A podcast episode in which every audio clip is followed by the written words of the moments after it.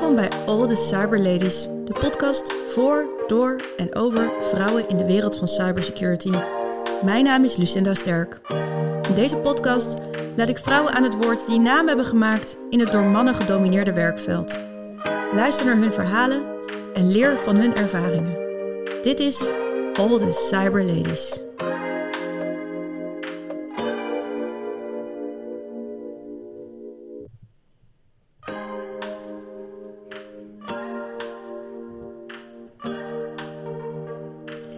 Tegenover mij zit de enige echte Queen Fennec, beter bekend als Fleur van Leusden. Fleur is CISO bij de Kiesraad, de organisatie die toezicht houdt op de verkiezingen in Nederland. Fleur is een begrip in de vaderlandse community van security specialisten. Ze deelt graag haar kennis, onder andere in haar eigen podcast CISO Praat. Van cyberheld naar cyberlady. Fleur, super veel dank dat je hier vandaag in de podcast te gast wil zijn. Dankjewel dat ik mag komen. Ja, uiteraard, Fleur. Uh, ja, je bent een begrip. Uh, fantastisch. ik hoor het. Ja. Jij zegt het. Onze queen Fennec. Hoe, hoe, wat, is, wat is een Fennec? Een fennec is een vos, een woestijnvos. Het zijn de kleinste soort vossen die er zijn. Nou ben ik niet zo klein, maar daar gaat het niet zozeer om. Ik vond het gewoon leuke, ik vind leuke beestjes. Ja, die gebruik je ook regelmatig. Zie ik ze voorbij komen op X, uh, ja. voormalige Twitter. En dan moet ik altijd heel erg uh, aan jou denken. security grap is erbij. Ja, ja, ja wat ontzettend uh, leuk. En Fleur, je bent CISO bij de Kiesraad. Voor de mensen die de Kiesraad niet kennen, even een korte introductie van de organisatie. Wat doen jullie daar? De kiesraad is uh, oorspronkelijk uh, een adviesorgaan, maar is aan het uh, transformeren naar meer een autoriteit op het gebied van verkiezingen. En wij zijn voor bepaalde verkiezingen ook het Centraal Stembureau. Niet voor allemaal, maar voor wel een deel. Dus ja, een groot deel van het verkiezingsproces wordt door ons begeleid. Zo kan je het eigenlijk zien. Ja, en hoeveel mensen werken daar? Er werken nu ongeveer 40 mensen bij de kiesraad. Dat is behoorlijk ja. wat. Ja, het waren er veel minder, kan ik je vertellen. Het is echt in een heel korte tijd gegroeid. Van een, van een klein ondersteunend bureautje naar echt wel een grote professionele organisatie. Dus dat is uh, ja, wel cool om onderdeel van te mogen zijn. We de enige echte CISO. Ik ben wel de enige, de enige CISO, ja. Dat is uh, wel handig. Ja. Kapiteins op een schip, zo, ja. en, en, en, ben je ook de eerste CISO dan bij de kiesraad? Of waren hiervoor ook al mensen die zich bezighielden met security? Ja, er waren wel mensen die zich bezighielden met security. De, rol, de formele rol bestond niet, maar er waren wel echt wel mensen mee bezig. Dus, uh, dus ik ben uh, niet helemaal op on, onontgonnen terrein. Maar uh, het is leuk om, uh, om onderdeel te zijn van een organisatie die zo snel groeit en die ook andere taken aan het krijgen is. Uh, dan is er veel ruimte nog voor je eigen inbreng. Dus, dus dat is wel leuk. En heel maatschappelijk relevant. Zeker, ja. We komen, de verkiezingen vliegen me om de oren sinds ik er in maart ben begonnen. Dus de ene na de andere verkiezing. Ik heb wel eens dat mensen vragen... wat doen de mensen van de kiesraad eigenlijk als er geen verkiezingen zijn? Ik, ik zou het niet weten, want ik heb alleen maar verkiezingen meegemaakt sinds ik ben begonnen. Ja, want het zijn dan... Nou, we hebben dan binnenkort de Tweede ja. Kamerverkiezingen. En daarna komt nog het Europees Parlement volgend jaar. Dus, uh, en we hebben dan uh, provinciale staten gehad, waterschapsverkiezingen, Eerste Kamerverkiezingen. Dus ik heb echt wel uh, in het eerste jaar heel wat verkiezingen te verstellen gehad. Maar ja. het, is wel, het is wel leuk. Het maakt het ook wat, ja, hoe zeg je dat? Het, het maakt het wat relevanter en ja. wat, ja, er zit wat meer druk op, zeg ja. maar. En dat onder, ja, dat ja, werkt goed. Ja, zeker. En is er nog een beetje te doen qua drukte rondom de verkiezingen? Ja, het verbaast me eigenlijk hoe goed het te doen is. We hebben, we hebben een team met mensen die vrij nieuw is, maar tegelijkertijd wel al veel ervaring hebben. Uh, en er zijn een aantal mensen die al echt heel veel jaar bij de kiesraad werken, die uh, een soort van in charge zijn en doen dat echt fenomenaal. Dat is echt heel uh, bewonderingswaardig hoe dat eigenlijk best wel soepel aan het verlopen is. We zijn er nog niet. We zijn pas aan het begin van het proces natuurlijk. We hebben net kandidaatstelling gehad. Nu we dit opnemen. Ik weet niet wanneer het wordt uitgezonden. Maar wij hebben bij de opnames nu net kandidaatstelling gehad.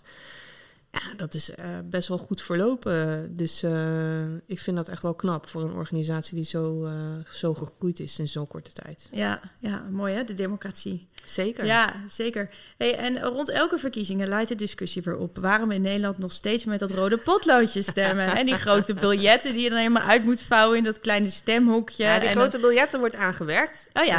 Er zijn ook, het ministerie van Binnenlandse Zaken is bezig met experimenten met een kleine stembiljet. Dus daar is wel echt aandacht voor. Een, men, men snapt dat dat een, een, ja, een irritatiefactor is. Waarom we met een rood potlood stemmen? Nou, sowieso staat in de wet dat we met rood moeten stemmen. Er staat niet het woord potlood in, maar wel rood. Uh, wat tot hilarische tafereelen heeft geleid in het verleden wel eens, heb ik mij laten vertellen dat ze potloden hadden besteld die wel rood waren van de buitenkant, maar die zwart schreven. Dat is wel een uitdaging dan. je maakt wat mee. Ja. Maar um, ja, we stemmen met, eh, met uh, pen of potlood en papier, moet ik dus zeggen. Uh, omdat dat uh, het, het, meest transparante is en het makkelijkst uh, uh, om um, inzichtelijk te houden voor burgers. En er is wel software betrokken bij de verkiezingen en het ja, verkiezingsproces. Ik heb wel eens, volgens mij jaren en jaren geleden... hebben we nog op zo'n stemcomputer ja, dat mogen stemmen. Dat is niet meer, hè? Nee. nee. Maar de reden dat die knop, als je, als je dat nog kan herinneren... van vroeger moest je met die stemcomputers moest je stemmen met de rode knop. Omdat ja. is omdat in de wet staat dat je met rood moet stemmen. Ja. Dus dat is ook wel grappig. Maar nee, die, uh, die hebben we niet meer. Dat, uh, er, er staat er volgens mij nog eentje bij jullie op kantoor. Meerdere zelfs. Ja. We hebben er nog meerdere. Want er waren twee, sowieso waren er twee soorten stemcomputers. Um, maar zonder daar, want dan kan je, hier kan je een hele podcast over maken ja. over stemcomputers. Misschien een andere keer. Maar nee. Misschien um, samen inderdaad zo praten en uh, altijd cyberladies over stemcomputers. Ja, ja. Dat, alles kan. Maar um, ja, dus de, de main reden is dat we met potlood en papier stemmen... is gewoon voor transparantie en controleerbaarheid. En uh, uh, ja, dat, dat ja. is de reden, ja. Ja, ja.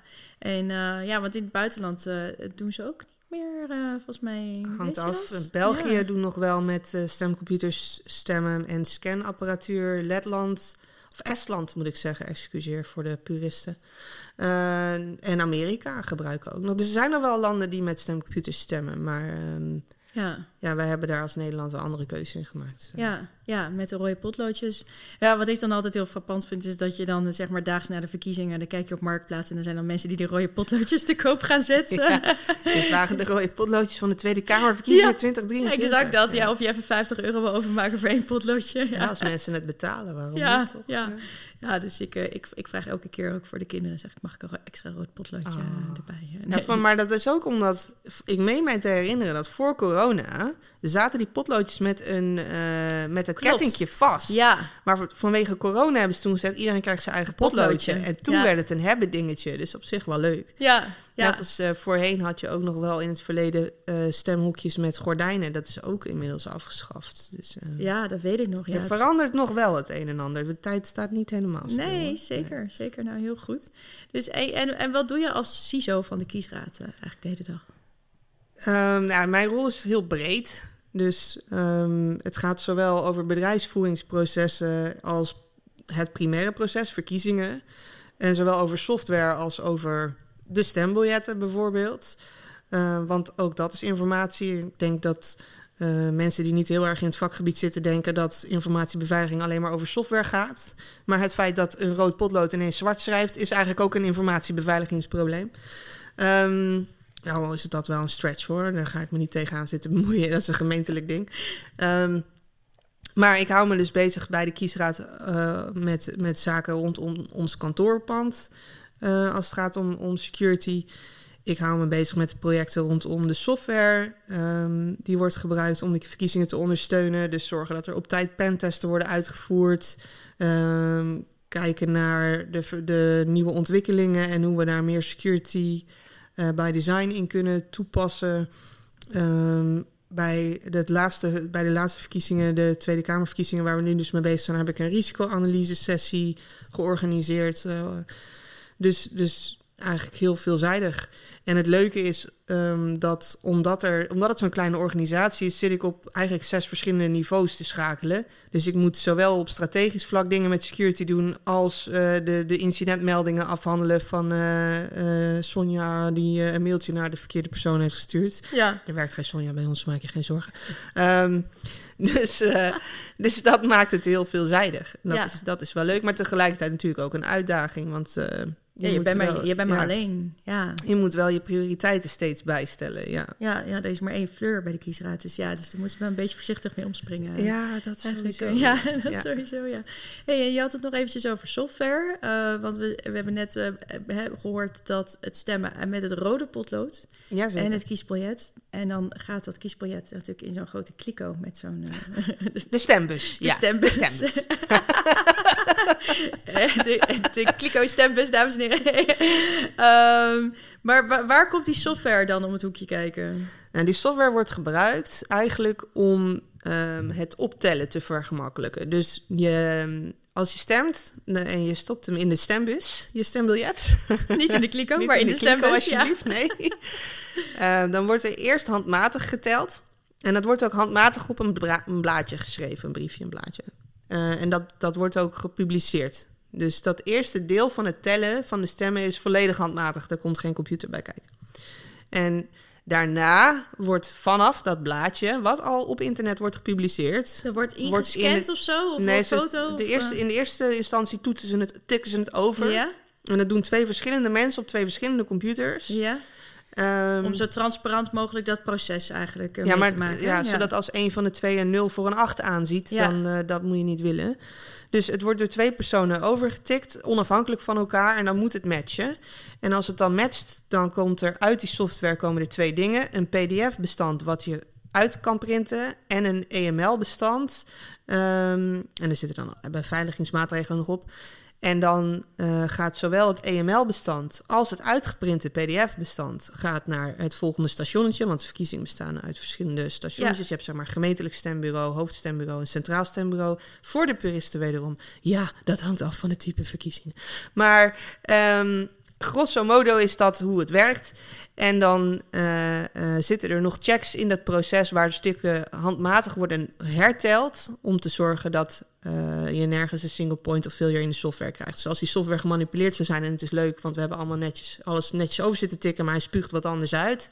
Dan komt dat er nog steeds uit, omdat er handmatig random wordt geherteld. En dat wordt dan weer gecheckt ten opzichte van wat die software heeft uitgespuugd. Dus, ja. Um, dus daar is een mooi proces voor. eigenlijk, hè?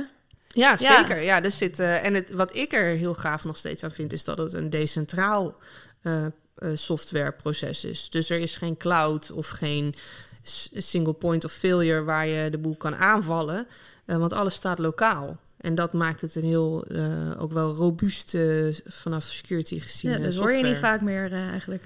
Nee, nee, je hoort het niet vaak. Omdat het natuurlijk gebruiksvriendelijk, gebruiksgemak gezien is wel een uitdaging. Uh, want al die uh, stembureaus moeten dat allemaal zelf installeren op hun eigen lokale air-gapped uh, netwerkje. En dat, ja, dat, dat vinden mensen logischerwijs wel een gedoe. Um, tegelijkertijd levert het veel beveiligingswinst op. ook, ook als je kijkt naar de pentesten die worden uitgevoerd, de, de bevindingen die daaruit komen. Um, daar heeft uh, de, het feit dat het lokaal draait wel, uh, wel veel invloed op, uh, op de ernst van de bevindingen. Ja, kan je daar iets meer over vertellen of is dat lastig? nou, dat hangt, wat wil je erover weten? Ja. die die pentestrapportages zijn allemaal publiek. Die zijn openbaar, die staan op mm -hmm. onze website. die kan je downloaden en bekijken. En dan kan je precies zien wat, wat die testen hebben uitgewezen. En er zit een roulatiesysteem in, dus het is niet altijd hetzelfde bedrijf. We hebben uh, Fox IT, Hack Defense, verschillende bedrijven die dat voor ons doen. Uh, en die maken daar rapportages uh, over en die, die publiceren wij gewoon. Die kan je gewoon bekijken. Ja, alles om de transparantie uh, zo groot mogelijk te maken. Ja, alles om het, het, vertrouwen in de verkiezingen in Nederland zo hoog mogelijk te houden. Ja, zeker. Nou ja, dat is natuurlijk ook heel erg belangrijk. Je wil alles uh, voorkomen dat er, dat er discussie ontstaat over de uitslag van verkiezingen. Zeker, ja, dat dus, wil je echt voorkomen. Ja, zeker.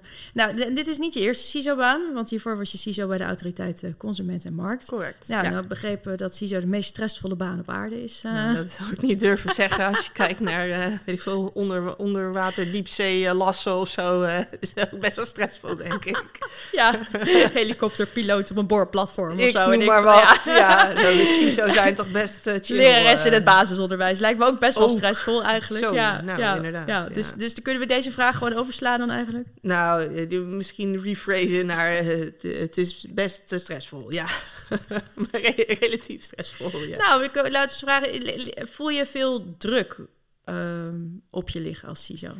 Ja, het is wel grappig. Ik heb het daar laatst over gehad met een andere uh, CISO, wiens naam ik even niet zal noemen, want ik weet niet of hij het daarmee eens is. Maar um, gek genoeg hebben wij allemaal een beetje, tenminste die indruk krijg ik, het gevoel dat als er iets gebeurt bij jouw organisatie op security vlak dat jij daar op de een of andere manier verantwoordelijk voor bent. Terwijl de meeste CISO's hebben eigenlijk geen budget, net als ik, ik heb ook geen, heb ik ook niet nodig. Maar het zijn, we zijn vooral adviseurs. Ehm, en dat komt met uh, inherent de mogelijkheid dat jouw advies niet altijd opgevolgd wordt. En dat hoeft ook niet, want er zijn ook andere belangen binnen een organisatie en dat is allemaal prima.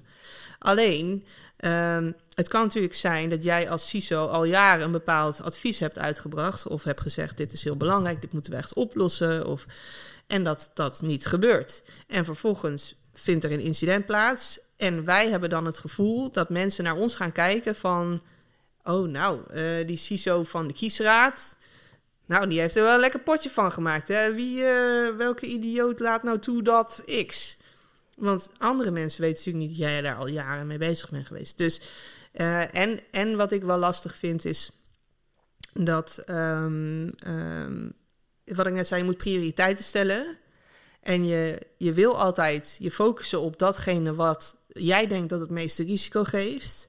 Maar het, er kan één heel klein stom dingetje zijn waarvan jij dacht... Nou, dat zal, er gaat geen bloed uitvloeien. En dat, dat moet je de das om, weet je wel. Dat, ja. En ik denk dat dat gegeven in combinatie dus met het feit dat je het gevoel hebt dat iedereen naar je kijkt, maar je eigenlijk niet bij machten bent om echt uh, uh, dingen te veranderen. Dat dat maakt dat veel CISO's het zo'n stressvolle baan vinden. Ja. Dus je, je en hebt... misschien ook wel mensen met een hoog verantwoordelijkheidsgevoel, hè? Vaak. Zeker, ja. ja. Dat zie je wel vaker in securities. En mensen die echt wel heel erg uh, ja, hard hebben voor de organisatie en voor hun werkveld. Um, en dan misschien niet overal verantwoordelijk voor zijn op papier, maar zich wel enorm verantwoordelijk voelen. En ja, zit mijn kat nou weer op het aanrecht? Ja, ze zit er weer sushi hoor. Gooier, echt niet normaal. Nou, nou omwille van de podcast uh, laten we haar, uh, haar goddelijke gang gaan. Maar vandaag heeft ze weer mazzel mee. Hè? Ik gooi er straks wel naar buiten. Ah. In de regen. In de ah. regen. Had ze maar niet op het aanrecht moeten springen tijdens de podcast. We gaan, uh, we gaan verder. Ja. Um, we gaan het hebben over vrouwen in security. Want uiteindelijk is het de podcast All the Cyber Ladies. Dus uiteindelijk gaan we het daar ook uh, even over hebben. Denk je dat het voor vrouwen in security lastiger is om een carrière op te bouwen dan uh, voor mannen? Ik denk dat het wel makkelijker wordt. Um, omdat er meer vrouwen zijn die ook wat meer naar de voorgrond treden. Dus daar ben ik wel heel blij mee. Uh, maar ik heb wel in het verleden dingen meegemaakt dat ik dacht van... als ik nu een man was geweest, dan hadden we dit gesprek niet gevoerd. Ik heb echt sollicitatiegesprekken gevoerd waar mannen mij niet aankeken, maar als ze tegen mij praten, tegen, naar de muur gingen kijken. Uh, dat ik al, al, ik zit al meer dan tien jaar in dit vak. En dat iemand tegen mij zei, uh, want hadden ze, mij, hadden ze mij naar binnen gelokt voor een CISO-functie. En toen werd er ter plaatse gezegd, ja, het is eigenlijk een ISO-functie, dus Security Officer. Maar ik, we hebben naar je cv gekeken en het is een leuke rol waar je in kan doorgroeien om ooit CISO te worden. En toen zei ik, nou excuses, maar ik ben al zoveel jaar CISO. Dus ja, ik doe dit werk al. Maar. Dus wat, wat, wat, wat, wat denken ze dan? Wat zit daarachter? Dat ze dan denken dat je het niet aan kan of zo? Of, uh, dat het is een stukje vertrouwen, denk ik. Ik denk dat veel organisaties zoiets hebben van ik wil een CISO en het is een oude grijze blanke man, want die hebben daar heel veel verstand van of zo. Wat natuurlijk eigenlijk best wel ironisch is, want security is een vak wat heel snel verandert. Um, en wat vrij nieuw vakgebied ook is. Dus het is eigenlijk heel raar dat je daar een oude grijze man voor zou willen. Want zo lang bestaat dat vak helemaal niet. Dus een oude grijze man kan er eigenlijk juist nee, minder misschien wel vanaf weten. En in sommige gevallen ook wel hoor. Ik wil niet alle grijze mannen meteen disqualificeren nu als CISO. En dat is ook dat niet eerlijk. Dat is correct, kom op, het mag best. Nee, maar ik, ken, ik ken ook hele goede CISO's die toevallig oude grijze, mannen zijn. zijn. Dus dat, nou, is dan ook, dat kan ook weer niet. Nee, maar uh, die indruk krijg ik. Dat, dat als je als, als blanke oudere man uh, de ruimte betreedt, dat mensen denken, ja, dat is een CISO, zeg maar. Ja. En dat als je als vrouw van mijn leeftijd of jonger uh, naar binnen stapt, dat ze denken van Oh, ga jij mij even vertellen hoe het werkt? Toch nog best wel veel vooroordelen dan, eigenlijk. Ja, maar dat, dat heb ik nu zelf ook. Want ik heb het ze niet gevraagd. Dit is mijn oh, indruk van... Ja. van heb jij zelf ook vooroordelen, Fleur, eigenlijk? Heb ik zelf voor... Ja, een beetje wel, weet ik van mezelf. Ik... Maar dat is ook omdat ook een beetje uit ervaring. Dus ik heb wel een aantal stagiaires in het verleden begeleid, waarvan ik uh, juist dacht, ik ga jou een kans geven, want ik heb het idee dat een ander je dat niet gaat geven. Um, En dat dat heel erg tegenviel. Dat ik uiteindelijk heel veel zelf aan het doen was. En op zich vind ik dat ook niet erg. Maar eh, dat, ze, dat ze gewoon overdag eh, in de supermarkt stonden. Of weet ik veel. Dat ik zei: Hallo, je bent stage aan het Ja. lopen. Wat, waar ben je? Zeg maar. Dus dan, mijn vooroordeel is dan dus dat. Ja. ik ben niet meer zo fan van stagiaires nu. Ja. Want was er niet één, dat is met meerdere gebeurd. Eh, dus, dus dat, ja, dat, Ja, eh, dat is lastig. Dat vind ik dan wel lastig. Maar voor de rest, eh, nee, ik, Nee, ik, iedereen is welkom. Ik heb bij de, bij de ACM ook sollicitatierondes gedaan. En daar nodigden we jong, oud, man, vrouw, maakte Ja. mij niet uit. Als, als ik, ik was vooral geïnteresseerd in de motivatie en niet zozeer in je achtergrond of in je certificering of zo. Dat is niet zo relevant. Maar wel je motivatie dan. Dus ehm, Ja, Ja. dat is ook het belangrijkste. Is ook, eh, ja, heb jij zelf een technische achtergrond? nee, ik Nee, ben ja? criminoloog. Ja, Ja, ik, eh, maar dat is niet helemaal ver. Ik heb wel veel bijbaantjes gehad in de tech-industrie. ja, Dus, en ook altijd interesse ook wel gehad erin. Ik had ook wel computers en internet en eh, dingen op mijn kamer als kind. Dus, ja. maar de opleiding die ik heb gedaan heeft er echt niks mee te maken. Nee. Nee, nee, nee, daarom is het ook denk ik wel goed is dat jij daar zo open in stond in die sollicitaties. En dat je dan hè, de deur openzet ook voor mensen zonder technische achtergrond. Maar Ja? inderdaad heel erg uitging van die motivatie. En eh, ik hoop dat Ja. meer organisaties daar zo, eh, zo in gaan zitten. Ik denk dat je binnen security, als je, als je wil, kan je in een hele korte tijd heel veel leren. Ehm, maar er zit veel zelfstudie in en dat maakt dat je het wel ook moet willen, zeg maar. Ja.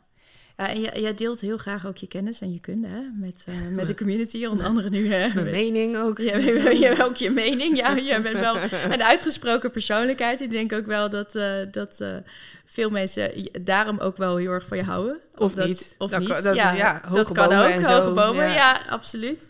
Eh, wat, wat vind je er zo leuk aan om je kennis eh, te delen? Nou ehm, ik denk sowieso dat het, dat het voor sommigen wat verfrissend kan werken. Ik denk dat dingen die ik soms zeg, die een beetje tegen schenen schoppen, dat er mensen zijn die hier rondlopen die dat zelf eigenlijk ook al heel lang vinden, maar dat nooit echt zo hebben durven uitspreken. Dus dat, dat ik dingen zeg waarvan andere, die andere mensen al lang dachten, zeg maar. Ehm, dus dat, dat vind ik dan wel leuk om te, om te zien. En ook gewoon het gesprek aangaan vind ik leuk. Dus eh, soms zeg ik dingen zwart-witter dan dat ik ze eigenlijk meen. Omdat ik dan juist wil weten van anderen hoe zij daarin staan. En dat lok je meer uit door het op die manier te doen.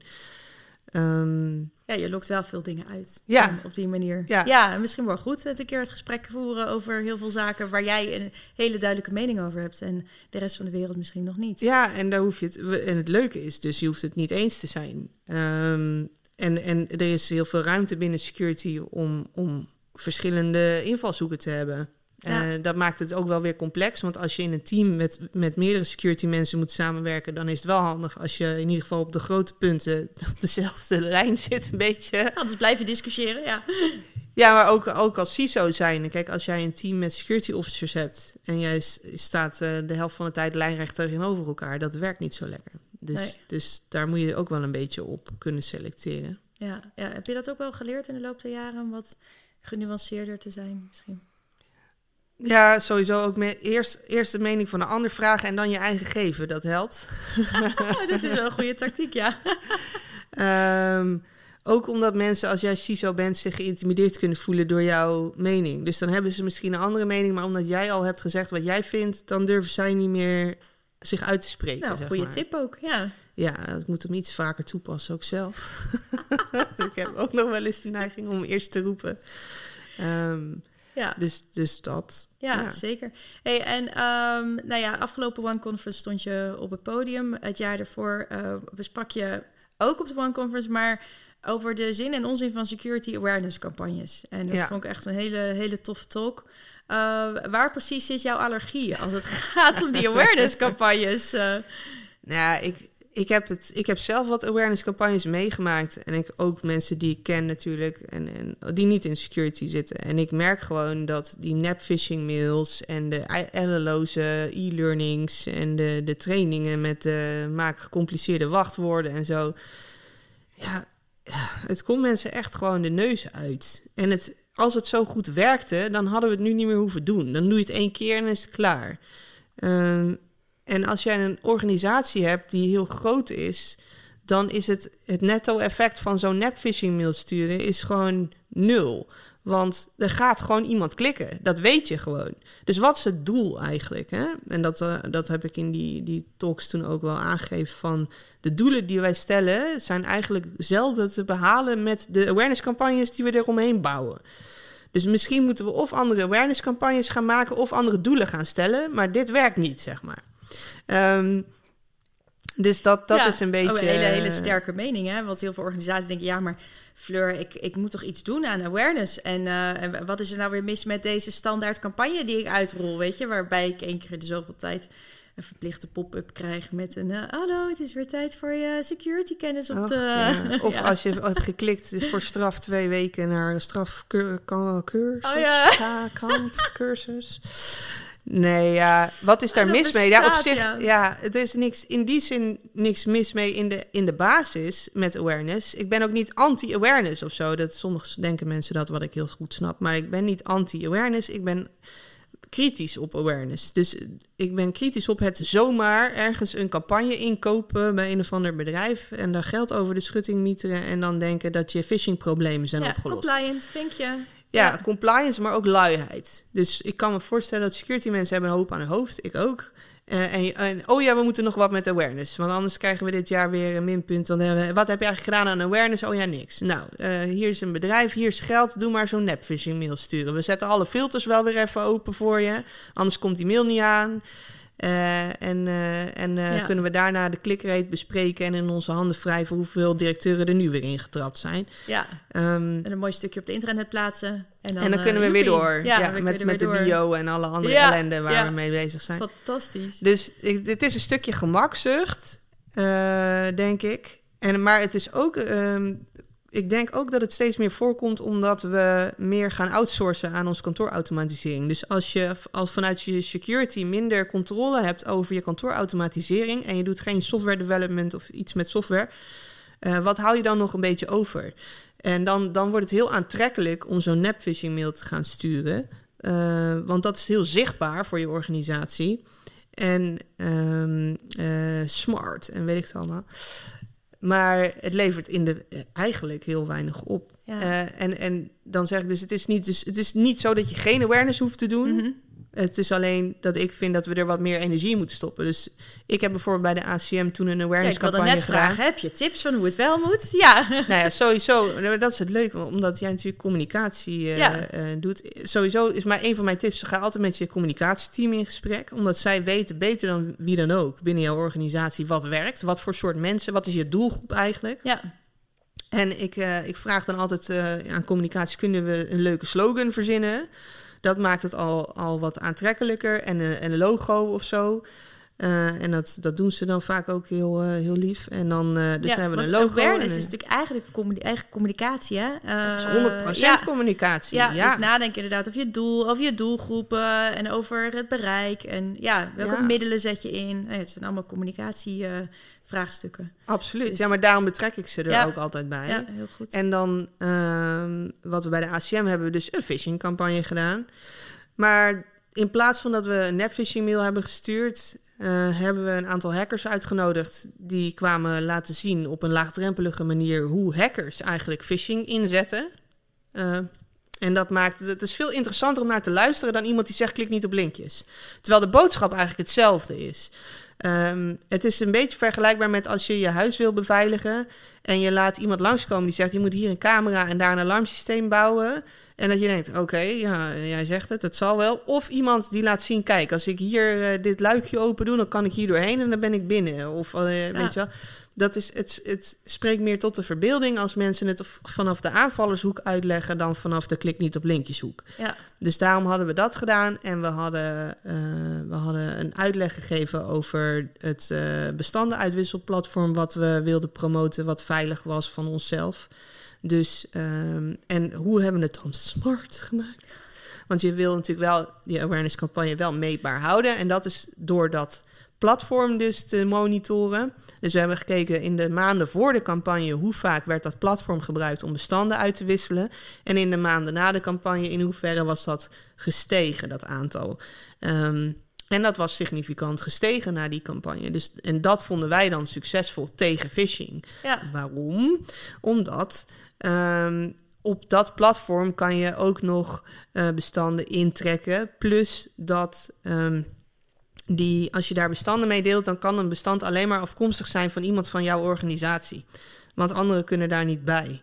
Ehm, dus dat zijn allemaal dingen die, daar, oep, die daarop Ja. eh, op helpen. Ja, ja, nou super, eh, super helder. En heb je daar ook een aparte podcast van gemaakt? Nee, die Met nog die niet. Dat is de Oh, enige is die ik eigenlijk nog niet heb ingesproken. Ja. Ja. dat moet ik eigenlijk nog doen. Ik heb wel... die, Wel heel leerzaam. Over die nepphishing heb ik wel Oh ingesproken, inderdaad. Dat was de eerste eh, die ik had ingesproken. Omdat daar werd ik nog best wel veel voor uitgenodigd om dat eh, live te komen doen. En op een gegeven moment, ja, ik heb daar de tijd ook niet voor. Dus toen dacht ik, ik zoek een andere oplossing. Toen zei iemand, waarom neem je het niet op? Ja? dacht ik, nou, dat is eigenlijk Slim. goed. Zo is dat eigenlijk Ja. begonnen. Ehm, dus die staat er wel op. Maar die over de awareness-campagnes aan zich en hoe we dat origineler moeten doen, die moet ik nog een keer een, een moment voor vinden. Ja, ja, zeker. Heel, eh, heel interessant. Ehm, en dan komen we een beetje aan het einde van de, van de podcast. En we sluiten die altijd af met dezelfde vraag. En dat is de vraag: wat zou jij willen adviseren aan dames en meisjes die nu een security eh, carrière overwegen? Ik zou willen zeggen, doen. Doen. En ehm, verdiep je wel een beetje in de techniek. Want ik, ik hoor nu wel veel mensen zeggen... ja, je hoeft helemaal geen technische kennis te hebben. Ja en nee, het helpt wel. Dus als je wat tijd vrij kan maken om je wat in die techniek te verdiepen... dan, dan maakt het eh, je leven een stuk makkelijker. Zowel sociaal binnen het vakgebied gezien als eh, daadwerkelijk eh, vakinhoudelijk. Ehm, maar doe het. En er, dit is de tijd, zou ik willen zeggen bijna. Dit, is- dit is de kans om je echt erin te, te werken. En het is een vakgebied waar, waar ehm, je heel laagdrempelig eh, toegang tot eh, kan hebben. Met een heleboel leuke mensen die je met open armen Absoluut. zullen ontvangen. Men, men is niet heel eh, kritisch op je achtergrond of je kennis en ervaring. Sterker nog, als je zegt: ik, eh, ik heb er allemaal geen verstand van. Het eerste wat ze gaan doen is zeggen: hoe kan ik je helpen? Dus eh, nee, het is, het is een leuk vakgebied. En, maar ik wil je wel, als je de CISO-rol eh ambieert, op het hart drukken. Mijn eh, slogan, eh, dat je om, om te slapen s'nachts. Het is niet allemaal jouw verantwoordelijkheid. Ja, mooi. Dus, Hey, dankjewel, Fleur. ja, jij bedankt. Ja.